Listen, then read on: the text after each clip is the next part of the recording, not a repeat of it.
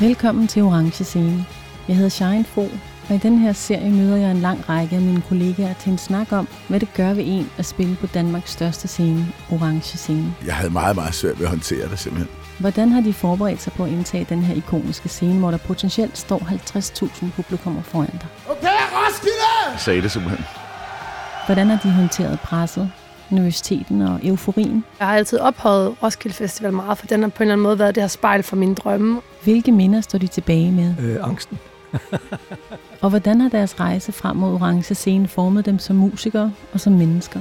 Det skal være det sidste, jeg tænker på, når jeg dør, tror jeg.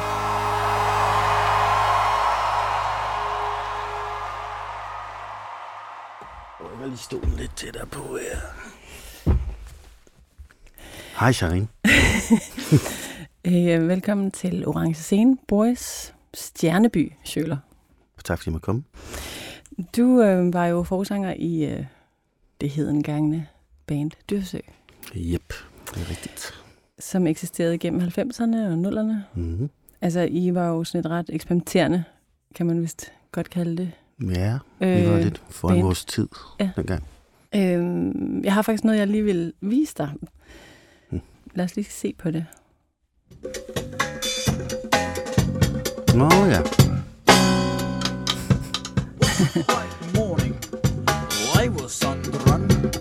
Just getting Boris, nu kan vores lytter jo øh, i sagens natur ikke se, hvad der sker. Kan du ikke lige fortælle, hvad det er, vi ser, og hvor vi er? jo, altså først og fremmest er det nogle meget, meget smukke unge mennesker Mhm. i deres, øh, deres prime. Mm-hmm. Øh, de er vel 16-17 år, Ja. og det er dagen før, de skal spille på Roskilde Festivals orange scene, Ja. hvor vi blev inviteret ud på, på pløjemarken øh, dagen før, og skulle fremføre noget akustisk, eller mere eller mindre akustisk, Mm. øh, før vi skulle spille. Øh, og det var meget spændende at komme op for det første se den store orange scene nedefra. Mm. Altså sådan tomt og sådan noget. Og så videre dagen efter skulle man stå derop og, øh, og der var lidt mere strøm på. Mm.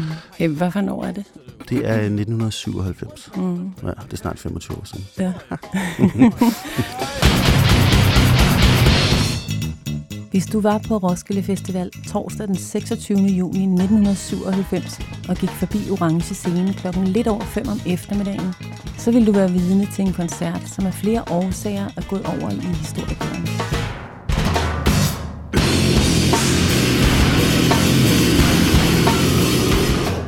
For det band, der åbnede festivalen lige netop på det her tidspunkt, er nok den vildeste, mærkeligste, mest kompromilløse gruppe nogensinde til at stå på orange scene.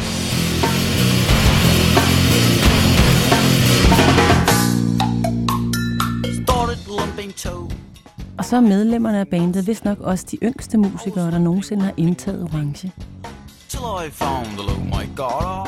Tag en gennemsnitsalder på cirka 17 år. Tag så lyden af den tungeste metal med math rock og grind undertoner. Læg dertil de mest absurde tekster leveret på rap med tyk britisk accent samt growl og scream vokal. Så har du dyreforsøg.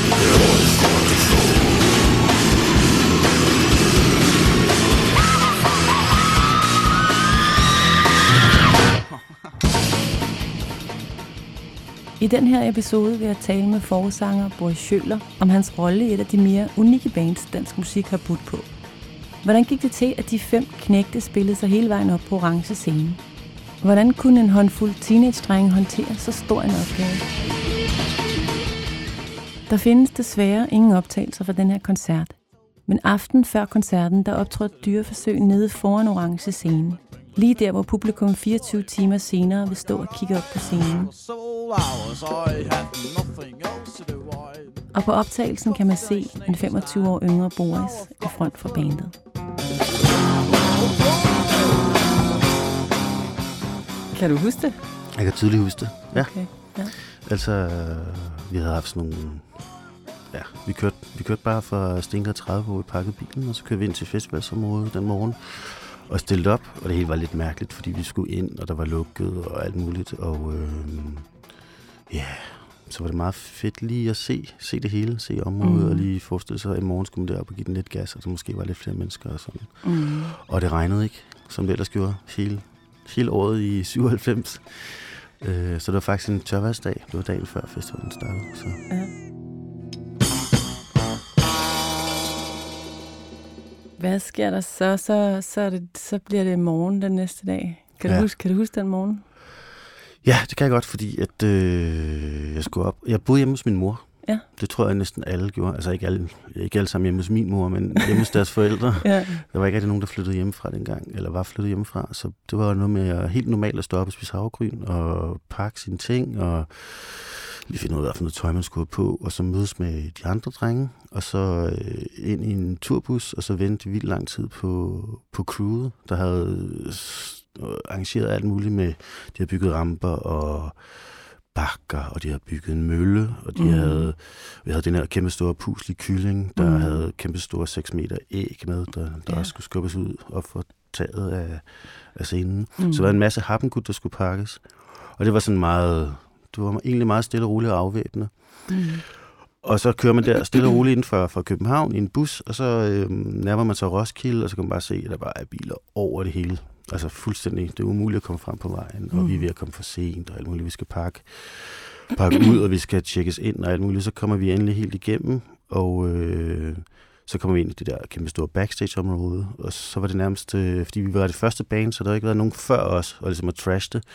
Så det var sådan helt vildt øh, stort og lækkert, der stod en kok og lavede mad, og det var kæmpe stort, og der var et dress, øh, hvad hedder det, omklædningsrum, og alt. Det var bare ligesom at være, være på sådan noget glamping, tror jeg, det hedder nu. Ikke eksisterende i 97. ikke eksisterende, men det var, det, var, det var meget fint at komme derop, og så... Ja. Øh, og så lige op og se scenen der, og se, hvor stor den var op fra. Altså, det var jo rigtig fint. Man kan sige, vi var, vi var 16 og 17 år, så vi var ikke mm. sådan... Øh, der var ikke noget pres på os. Nej. Jeg kan ikke huske, at vi følte pres, fordi vi var egentlig sådan meget klar, fordi det var meget naturligt næste skridt for os. Vi var Ja. fuld af af selvtillid. Vi har øvet, vi har, vi har øvet, siden vi, altså vi har øvet, siden vi startede i 1994. Ja. Altså vi bare kørt på, altså øvet fem dage om ugen, og Ja. Bare passet vores ting, så det var egentlig bare, vi skulle bare op og... Og give den gas. det var bare større, end det plejede at være, ikke? Altså meget større selvfølgelig. Så du var egentlig ikke så nervøs? Eller? Altså, jeg, øh, det var glædes nervøsitet, ikke? Nå. Altså, det var ikke sådan noget, hvor jeg tænkte, åh oh, nej, det går galt. Fordi Mm. jeg, jeg, altså, kroppen kunne det hele på os alle sammen. Mm. Så det var bare, altså, det var nu bare stole på. Og, så, Mm. og det gjorde vi egentlig. Vi havde så meget god musikal selvtillid. altså, øhm, og så kommer vi, ja, så kom vi derind, og så var det sådan, det eneste, der ikke var så, så rent derinde i det der kæmpe store op- omklædningsområde, øh, eller hvad hedder det, hvad hedder sådan et Backstage-område, Ja, ja. backstage-område, Mm. mm. som er jo 10 gange så stort på orange, som det er på de andre. Mm. Altså sådan helt sådan en ja, lejr. Mm. Det var der stod sådan nogle små fedtede englænder over i hjørnet, som skulle på bag os, og sådan noget der. Den ene var skildret, og de havde ikke vasket hår, og det var sådan lidt, øh, de rørte ved maden, og sådan noget. Det var sådan lidt, vi prøvede at få dem lidt væk, men altså. men det var så Radiohead. Ja. Ja, ja. Så Okay. det gjorde det ikke sagen meget bedre. Nej. I synes, det var nogle lidt klamme typer? Ja, det der, det var sådan lidt, det var sådan lidt klynke forkølet, ikke? Ja, Og sådan noget. Det var, jeg synes egentlig også, deres musik var. Ja. Eller jeg gjorde dengang i hvert fald. ja. Så øh, vi var meget opsat på, at vi skulle spille benene væk under dem. Ja. Så og ikke efter, ikke give dem nogen mercy. Gjorde I så det, spillede benene væk under dem? Altså, i hvert fald væk under os selv, kan man sige. Mm. Fordi vi spillede, altså, vores sæt var, skulle vare måske 53 minutter Mm. øh, deromkring. Men vi endte med at spille 35 minutter. Altså, vi spillede nærmest alle numrene i, i næsten dobbelt tempo. Okay, så der har alligevel været en øh, lidt højere puls. Ja, ja, fuldstændig. Altså, det kunne vi overhovedet ikke styre. Vi det var ikke med klik eller noget, vel? Det var bare sådan, hvad det, uh, premature ejaculation. Altså. Men det var, I blev ikke trukket i hyre, fordi det har jeg hørt fra andre folk, at hvis, det var, hvis man ikke ligesom fylder tiden ud, så bliver man trukket i løn. og vi fik jo nærmest ikke nogen løn. Det var helt... Og jeg brugte det hele på hønen. Jamen, det er ikke engang løgn. Vi havde- brugt alt sammen på, på sceneudsmykning. Ja. Øh, men det var også fint nok. Altså, jeg kan huske, at jeg fik 1.500 kroner øh, bagefter. Og, Og der tog jeg simpelthen en taxa direkte fra, fra Orange Scene hjem til min mor og tog et kappad. Og så gik jeg ned i Grønhandleren og købte nogle oliven og en, en øh, flaske champagne, og så tog jeg en taxa tilbage. Og så havde jeg brugt de 1.500 kroner. det tog lige tre timer. du skulle lige hjem og lige, Jeg skulle lige hjem lige... og- og- lige, og lige fordøje det der, Ja, ja, ja. lige vaske det der scenestøv af dig. Ja, ja, jeg er lige sådan lidt væk fra det hele, og lige sådan Ja. ja. pff, øh, damp af, ikke? Bror, så vil du ikke lige, um, altså, vil du fortælle lidt om dyreforsøg? Hvad var dyreforsøg for et band? Ja, men Dyrforsøg er, var et meget øh, uskyldigt band, Mm. øh, øh, som, som var noget meget energibåret i hvert fald i starten, øh, af øh, nogle drenge, der var vildt energiske og Mm. spillede vildt meget håndbold. Fordi det var der, I mødte Vi hinanden? mødte, ja, tre, tre af os mødtes til håndbold, ikke? Ja. Øhm, og øh, vi havde bare enormt meget energi, og vi havde øh, vi lyttede enormt meget til musik, og vi, jeg Mm. kom for en, øh, jeg hørte meget dødsmetal og, Mm. og ting og sager, og der var nogen, der lyttede virkelig meget til, øh, til hvad hedder det, jazz og, og Primus og forskellige andre ting, Mm. sådan nogle, og noget Sonic Youth og noget Mm. alt, alt muligt, så det blev meget sådan hurtigt en blanding, fordi der var ikke rigtig nogen af os, der havde ret, så vi, det smeltede bare sammen på en eller anden måde, og så var det meget, meget naturligt, at, øh, at øh, den måde numrene blev til på. Mm. Øh, så der var ikke sådan noget, der var ikke nogen diskussion, der var ikke noget, det var bare sådan et meget naturligt forløb. Øh, det var bare os fire, var det dengang, i, Mm. mm. i et rum på en eller anden måde, og så skete der noget, ikke? Lidt håndboldagtigt. Ja, faktisk, ja, det er bare en, en spillestil, kan man Mm. mm. kalde det, ikke? Mm. Hvor gamle var I da I? Vi var øh, 15, da vi startede. Okay. Øh, vi var 15, og så begyndte vi at spille, og så... Ja, så blev vi booket de forskellige steder, så begyndte vi bare at spille. Så spillede vi meget i Mhm. København, og der kom flere og flere. Mm. Og øh, så på en eller anden måde, selvom når man ser det udefra og lytter til det udefra, så er det jo ikke sådan noget, det er ikke særlig sådan noget nemt, for, let fordøjelig musik, Nej. eller også, eller også er det. Altså, jeg ved det ikke rigtigt, men Mm. altså, det er så meget, det er meget punkteret, og det er meget, øh, altså lige snart det går godt, så bliver det lukket ned, og så starter noget nyt. Ikke? Mm. Mm. Altså, fordi, også netop også fordi vi, vi keder os. Altså, så der skulle Mm. ske noget hele tiden, Mm. mm. altså på den måde. Og så slutter man lige af med at growle og skrige ovenpå, ikke? bare for Mm. at indpakningen ikke skal være for, skal ikke smage for godt. Mm. Okay, nu vender vi lige tilbage til, øhm, nu er det jo, hedder den her, øh, det her radioprogram hedder Orange Scene. Altså, jeg får lyst til at spørge dig, kan du huske, da I fik tilbud om at spille på Orange Scene, eller det jo så åbne Orange Scene? Det kan jeg faktisk helt tydeligt. Okay. Det var ret sjovt, fordi det var, der var ikke nogen af os, der havde mobiltelefoner Nej. engang. Så øh, jeg vidste, at vores øh, manager, Bum Bum, Mm.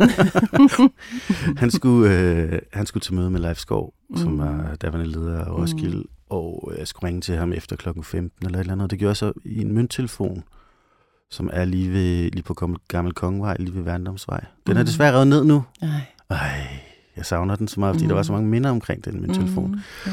Og så ringede jeg der og puttede mine 6 kroner i der, og så sagde han på, at jeg skal lige fortælle jer, at øh, I skal åbne Orange Scene. Vi troede bare, at vi skulle spille på Orange Scene, fordi Ja. vi har spillet i 96 i det mindste, i den, på den blå. På, jeg spillede på Roskilde Festivalen, ja. Ja, i ja, ja, på den 96. blå, ja. Mm.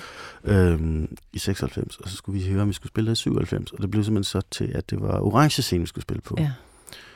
Og det var sådan, så, så øh, det er som om, man lige træder et par, man springer noget over, ikke? Ja. På en eller anden måde. Fordi så kommer man derop, så ved man godt, så er man doomed.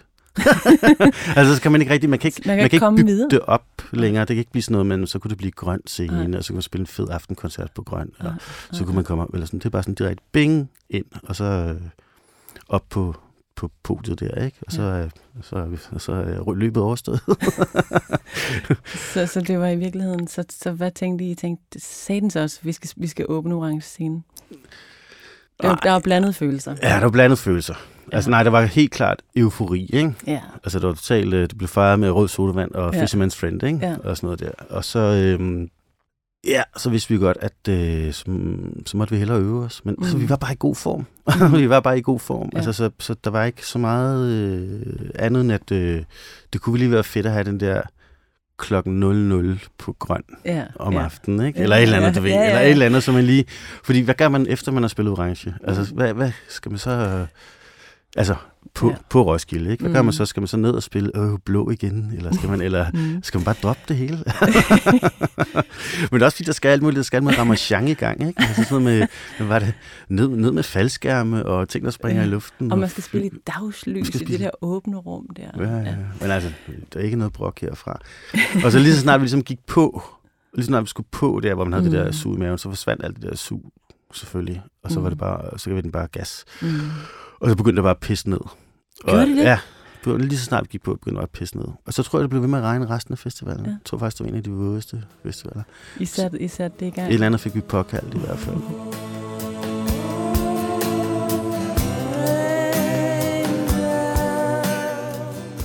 Ja, 1997 var et af de mest regnfulde år i festivalens historie. Og det gjorde det ikke bedre, at pladsen på det her tidspunkt endnu ikke var blevet drænet, som den er det i dag. Regnvandet lå derfor som store søer overalt, og derfor nogle af de her klassiske fotos fra festivalen, hvor folk er smurt ind i mudder fra top til tå, netop fra året 1997.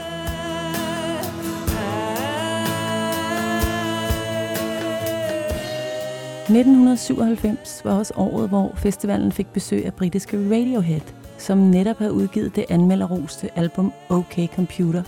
Og derfor var koncerten med dem en af de mest hypede det år. Og faktisk skulle Radiohead spille på orange scene lige efter, at dyreforsøg havde spillet, og naturligvis befandt sig backstage.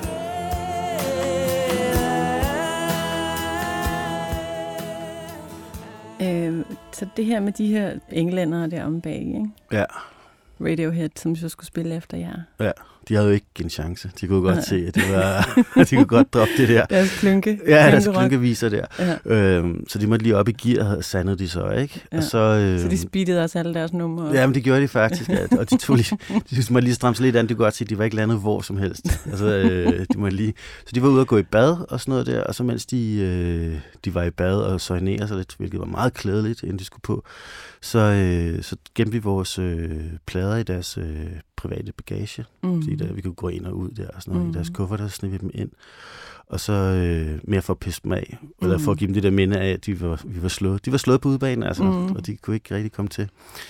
Øh, så sned vi de, øh, vinylerne ind i deres øh, private kufferter der, og så øh, ikke så meget mere om det.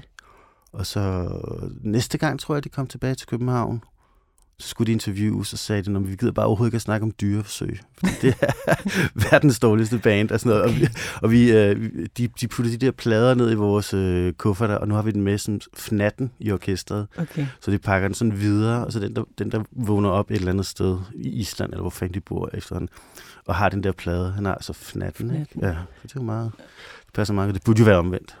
De var jo pænt rene, altså. Det var dem, der var så Det beskidte. var, den var så beskidt, det var følelsesladet. Nå, så det, så det, øh, det, jeg tror, jeg se, om vi kan prøve at få fat i, få et quote fra Tom York om dyreforsøg, om han stadigvæk... Øh, Ja, ja. Hvem der så har haft natten nu. Hvem der har fnatten nu?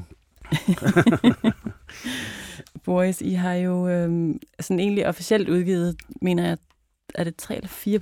Det er sådan lidt, fordi der var der er selvfølgelig Jeg de... tror, det er tre, ja. Ja. Tre en halv. Vi udgav, vi lavede en masse øh, forskellige udgivelser selv på Ja. et tidspunkt. Ja. Der, der udkom jo faktisk også en live-plade på Esho Ja. ja. dengang i sådan noget 2006-2007. Men hvad er det for en plade? Hvad for en plade har I egentlig øh, har været sådan jeres største succes? Altså, øh, vi har aldrig haft salgsmæssige succeser. Hører historien til. Men altså, man kan sige, det vi... Succes, Altså, det er også, det er også et mærkeligt spørgsmål. Det er, ja, det er faktisk, fordi jeg fisker efter... Ja, jeg har hørt, at I har solgt utrolig meget af en særlig plade. I har faktisk fået en guldplade på et ja, vi har selvfølgelig fået en guldplade. Ja. Øh, den har vi fået, fordi vi havde en øh, vi havde mulighed for at lave musik til en voksenfilm. Mm. En erotisk film. Ja. Øh, hvor vi, som blev optaget i et øvelokale, og hvor vi spillede sådan noget lidt mere sleazy musik. Ja. Øh, Jeg har hørt dig omtale det som bossa no, sådan lidt bossa nova Ja. Ja. På, ja. Ja. Så Ja. det var sådan en voksen, meget voksen film, øh, Ja. der hed I seng med Christina. Ja. Og øh, det var vores daværende manager Stevens øh, tidligere hustru, Christina, der var, var hovedrollen her. Mm. Mm. Og så øh, fik han hurtigt sat op, at vi skulle lave musik til den, og så øh, gjorde vi det. Mm. Og så blev det optaget, og så gik der et stykke tid, og så øh, blev jeg faktisk ringet op af Michael Bertelsen. Ja. Fordi han havde fundet ud af, at den der film var udkommet sammen med et blad, der hed et, sådan et der, der står, Erotisk hvordan siger, ja, blad. et eller andet. Ja. Ja. Så jeg kan ikke huske, hvad de hed dengang. Nej, jeg købte nej. den jo ikke. Nej, det var ikke mig, der købte den. du, det var ikke dig, kan- der aldrig- Men øhm, i hvert fald så var det så solgt i over 50.000 eksemplarer, det Nå, blad. okay. Ja. Og så betyder det, at filmen var solgt i over 50.000 eksemplarer, og så betyder det også, at Ja, ja, soundtrack. soundtracket var solgt i over 50.000 ja. eksemplarer. Så Michael Bertelsen, han, kont- han kontaktede IFPA, IFPI, Ja. ja. Og øh, de måtte så hoste op med en guldplade til os. Så vi Ja. fik faktisk overragt en guldplade for øh, I seng med Christina. Ja. Øh, og den, øh, den modtog vi med glæde og stolthed, som man gør med alle sine børn. Ja. Det var bare et lille frækt barn, vi havde der. Ja, ja. Men det var Og- simpelthen vores største salg. Det var øh, at lave musik til pornofilm. Savner du musikken? Altså, I stoppede jo så dyreforsøg i, hvornår var det? I 2004. Ja, det, det ved jeg sgu ikke. Ja, det passer meget godt. 10, Ja. ja. ja. Jeg tror, vi havde 10 år. 10 år, 10 ja. år, ja. 10 gode år. Mm. Altså man kan sige, jeg tror, det jeg savner mest, det er egentlig virkelig en sammenholdet, vi havde dengang. Mm. Eller sådan den der måde at være en del af en unit på en måde, hvor man bare vidste, hvor man havde hinanden, og mm. man vidste, man kendte alt til hinanden, og man var nødt til at deale med alting med hinanden. Ikke? Altså det var sådan lidt banderelateret øh, Mhm. musikalitet. Ikke? Mm. Øhm, og så, så øh, prøver jeg at lade være med at savne det der med at, at, at stå på en scene, selvom jeg er, er vildt god til det. Mm. Ja. Men der er også nogle ting, altså som på en eller anden måde, så er det bare ikke lige nu, vel? Altså jeg kan Mm. ikke sige, jeg synes ikke, jeg savner at stå på orange scene, Mm. mm. eller stå på en stor scene, eller stå mm. på Mm. en lille scene, eller eller andet, Mm. men på en eller anden måde, så vil det altid ligge i mig, på en mm. eller anden Mm. måde, fordi jeg har oplevet det, det var en nogle store oplevelser, ligesom at have været krig, eller et eller andet, mm. ikke? Mm. hvor man kommer tilbage, og så er man, så man ramt af et eller andet, ikke? og man Mm. i en skov og går rundt og prøver at opsøge den der adrenalin igen, eller et eller andet. Ikke? Eller man, Mm. der er også noget, man bliver udsat for, sådan, og i vores tilfælde sådan rimelig tidligt. Ikke? Men, men jeg kan sige, på en eller anden måde, så tror jeg godt, man kan sammenligne det en lille smule ligesom at have været krig, hvor man har sådan en kammerat, man kan stole på, og bla bla bla bla, bla og vi, Mm. hvor man finder på nogle ting sammen, og man dealer med nogle problemer sammen, og man, Mm. man laver noget, som så bliver fedt, og bliver godt til mod, bla bla. Altså det der, man får selvfølgelig en, øh, en reaktion, når man står på scenen. Ikke? Mm. Og så øhm, lige præcis det savner jeg sådan helt nøgter eller koldt, eller, sådan, eller firkantet. Den Mm. der ting savner jeg, ikke? Mm. Men man kan også sige, at vi trak den rimelig langt ud med at gå, med at ikke at snakke sammen om ting, eller sådan bare, hvor vi trak det sådan lidt, lidt meget på, vi vekslede meget på hinanden på et tidspunkt, Mm. så på et tidspunkt, så var der bare faktisk ikke rigtig så meget mere. Mm. Altså, det, så var lige så, nå, så ringede vi ikke så meget sammen, og så lige så, og sådan, du ved, det, det blev bare sådan, det var bare, det blev, jeg ved ikke, hvad- hvordan man skal sige det. Men jeg savner selvfølgelig den der med at have en, øh, med at have en unit, Mm. hvor man kan øh, føle sig sikker og sådan noget der, ikke? og ikke Mm. skulle opfinde det hele selv. Ikke? Og sådan, jeg Mm. kunne ikke, det også svært, når man har været sanger i et orkester på en eller anden måde, og så gå ud og lave noget, fordi så bliver det sådan en stor øh, af gået solo-ting. Ikke? Mm. Hvorimod en, øh, en, der har spillet et instrument eller sådan noget, øh, bedre kan glide ind i noget Mm. ubemærket og være med og sådan noget, og ligesom lege videre. Ikke? Mm. Hvor det er sådan mere stort, sådan, eller ikke stort, men det er sådan lidt mere øh, en markering, det der med, at man som sanger gør noget. Ikke? Mm. Så på en eller anden måde, øh, det tror jeg, det har taget vildt mange år, det tror jeg også, det har gjort for nogle af de andre. Altså nogle af de andre udøver stadigvæk vildt meget. Mm. Men jeg tror, der er sådan, der er sådan en, en eller anden, øh, nu lyder det helt vildt, men det er også lige det tidligt om morgenen der. Så øh, på en eller anden måde en eller anden slags soveperiode, eller sådan noget, hvor man lige skal sådan lige finde ud af, hvad fanden er, wow, det er som om, man har mistet et eller andet, som jeg ikke vidste, jeg havde. Mm. Altså på en eller anden måde, ikke? Jo. Altså, det er også fordi, man, jeg, det har været hele min, altså fra jeg var 15 til jeg var 5-26, ikke? Mm. Og det har været alt, hvor alle mulige andre, de har gjort alt muligt andet. De har lige pludselig et hus, og en, alt muligt, de har alt muligt andet, de har oplevet, og gjort ud, lavet uddannelse, og alle mulige mm. andre ting, ikke? Hvor vi har ligesom været, holdt os lidt for os selv, og kørt sådan et parallelt samfund på en eller anden måde, ikke? Mm. Så den der måde med at, wow, hvordan fanden er det nu, man gør? Når Altså, man kommer ud af den. ja, når man øh, kommer ud af den der øh, krist, ja, eller Mm. mm. kristtilstand, man Ja, også er i, ikke? ja. Fordi man kan ikke, det er hele tiden musikken, der er vigtig, og det er den jo også. Altså, mm. Mm. Det er jo sådan det der med, på torsdag, på fredag, på lørdag skal vi spille, på søndag skal vi Mm. stue, bla bla bla, den der Mm. ting, ikke? Mm. Som andre folk jo heller ikke relaterer til. Og, Mm. mm. og på den måde, så har det været sådan lige, der, skulle lige, der skal lige et stykke tid til, hvor man lige skal finde ud af, hvad fanden, du prøver lige at prøve at, at spole lidt tilbage og spole lidt frem, og lige prøve at, at, at, at synkronisere talen til filmen, eller et eller andet, du ved, ikke? Fordi, Mm. fordi på mange måder er man, ly, på mange måder er man meget foran andre mennesker, og på, på mange andre måder er man virkelig bagud, ikke? Fordi Mm. man har man har været på camp i virkelig lang tid, ikke? Mm. Så er det sådan noget med at prøve at passe ind i samfundet igen, Mm. ikke? Og, eller passe ind i ting igen, relationer, og prøve at finde ud af, okay, hvis musikken ikke er det vigtigste, hvad fanden er så vigtigt nu, ikke? Mm. Altså, eller sådan, og det er ikke noget med at, det er ikke, det er ikke sådan bevidst valg med at stoppe med at være udøvende musiker, eller sådan, der foregår stadig ting ind i hovedet, og man får skrevet nogle ting, og bla bla, på en eller anden måde, men det kommer, der er bare ikke nogen udladning for det, Mm. mm. vel? Der er ikke den der øh, slutning, om så er den spillet, den koncert, eller den turné Mm. er færdig, eller sådan noget. Det der punktum, det, det, det glider længere og længere ud i fremtiden, ikke? Mm. Så man er sådan en lang sætning nu, der bare bliver skrevet, skrevet, skrevet, skrevet, men man får ikke det der punktum. Mm. Og det, det der punktum kan, man, kan jeg godt savne, ikke? Ja. Øh, Boris, hvad, hvad nu? Altså, hvad beskæftiger du dig med nu? Jamen, jeg beskæftiger mig med... jeg, laver, øh, jeg laver noget mad. Mm-hmm. Ja. Jeg har smagt Fordi- din mad. Nå, okay. Ja. Fordi det er sådan meget, det er lidt det samme, at jeg arbejdede nogle år som, som kok, Ja. faktisk. Fordi der var, der var det sådan helt det samme, det der med at få at pakke gear, eller pakke gear ud, lave lyd på, det vil sige, at man laver sin mise en place. Ja. Man får alle sine ting klar, så det står Mhm. klar til, at man skal bruge dem. Ja. Og så åbner der øh, sluserne, og så Ja. er der bare med at følge med. Grrrr, Ja. Og så bagefter, så vasker du af, du siger, du pakker dit gear, du, du, Ja. du, du, du, og så har du det helt smadret bagefter. På den Ja. samme måde. Så er den samme, den der med at sætte tingene på kanten, det har faktisk Mhm. været samme. Udladende. Det har været min måde i hvert fald at finde Mhm. det der på, på en eller anden måde. Ikke? Mm. Så øh, det gør jeg nu. Så skriver jeg en lille bitte smule, og så laver jeg virkelig, virkelig, virkelig, virkelig lidt musik til nogle, Nå, til nogle okay. bitte, bitte små øh, kunstting. Mm. Bare sådan noget lyden af nordlys. Mm. Hvor jeg sådan... Ja. og sådan noget, altså sådan noget, bare- på en eller anden måde, bare på en eller anden måde, så, øh, så går tiden bare rigtig fint. Mm. Sådan bare stille og roligt. Mm. Sådan to store børn Mm. og sådan noget der. Så det Mm. mm. bare lyder vildt kedeligt og arbejderagtigt. Amageragtigt. Hvis du nu bliver tilbudt at um, spille på orange scene her til sommer, hvad vil du så, hvad vil du så sige? Mm, det vil jeg ikke. Det kan jeg ikke lige nu. Nå. Fordi det er, ja, det er faktisk øh, det var modsat af, da jeg var 15 eller sådan noget. Ikke? Mm. Mm. Altså, det, er, det er jeg ikke klar til nu. Det er også Mhm. det, jeg er blevet mere moden til sin, Mm. nogle ting, jeg ikke kan. Ikke? Altså, Mm. mm. Eller det finder man jo ud af med. Det kan Mm. man ikke, fordi der, der skal fyldes op et eller andet sted, som ikke er fyldt op, før man kan Mm. dele ud. Ikke? Mm. Så lige nu så er det bare sådan stille og roligt. Mm. Har det meget godt med bare at gøre det, jeg gør. Mm. Skal jeg stikke hovedet mod i noget? Altså, Mm-mm. nej, det er meget fint. Det er der nogle andre, der er rigtig meget bedre til heldigvis nu. Mm. Men uh, boys, tusind tak, fordi du ville komme. Jamen, og... det har bare været så hyggeligt. Ja, ja ja, det har ja. været rigtig godt. Tak for det. Selv tak. Fornøjelse.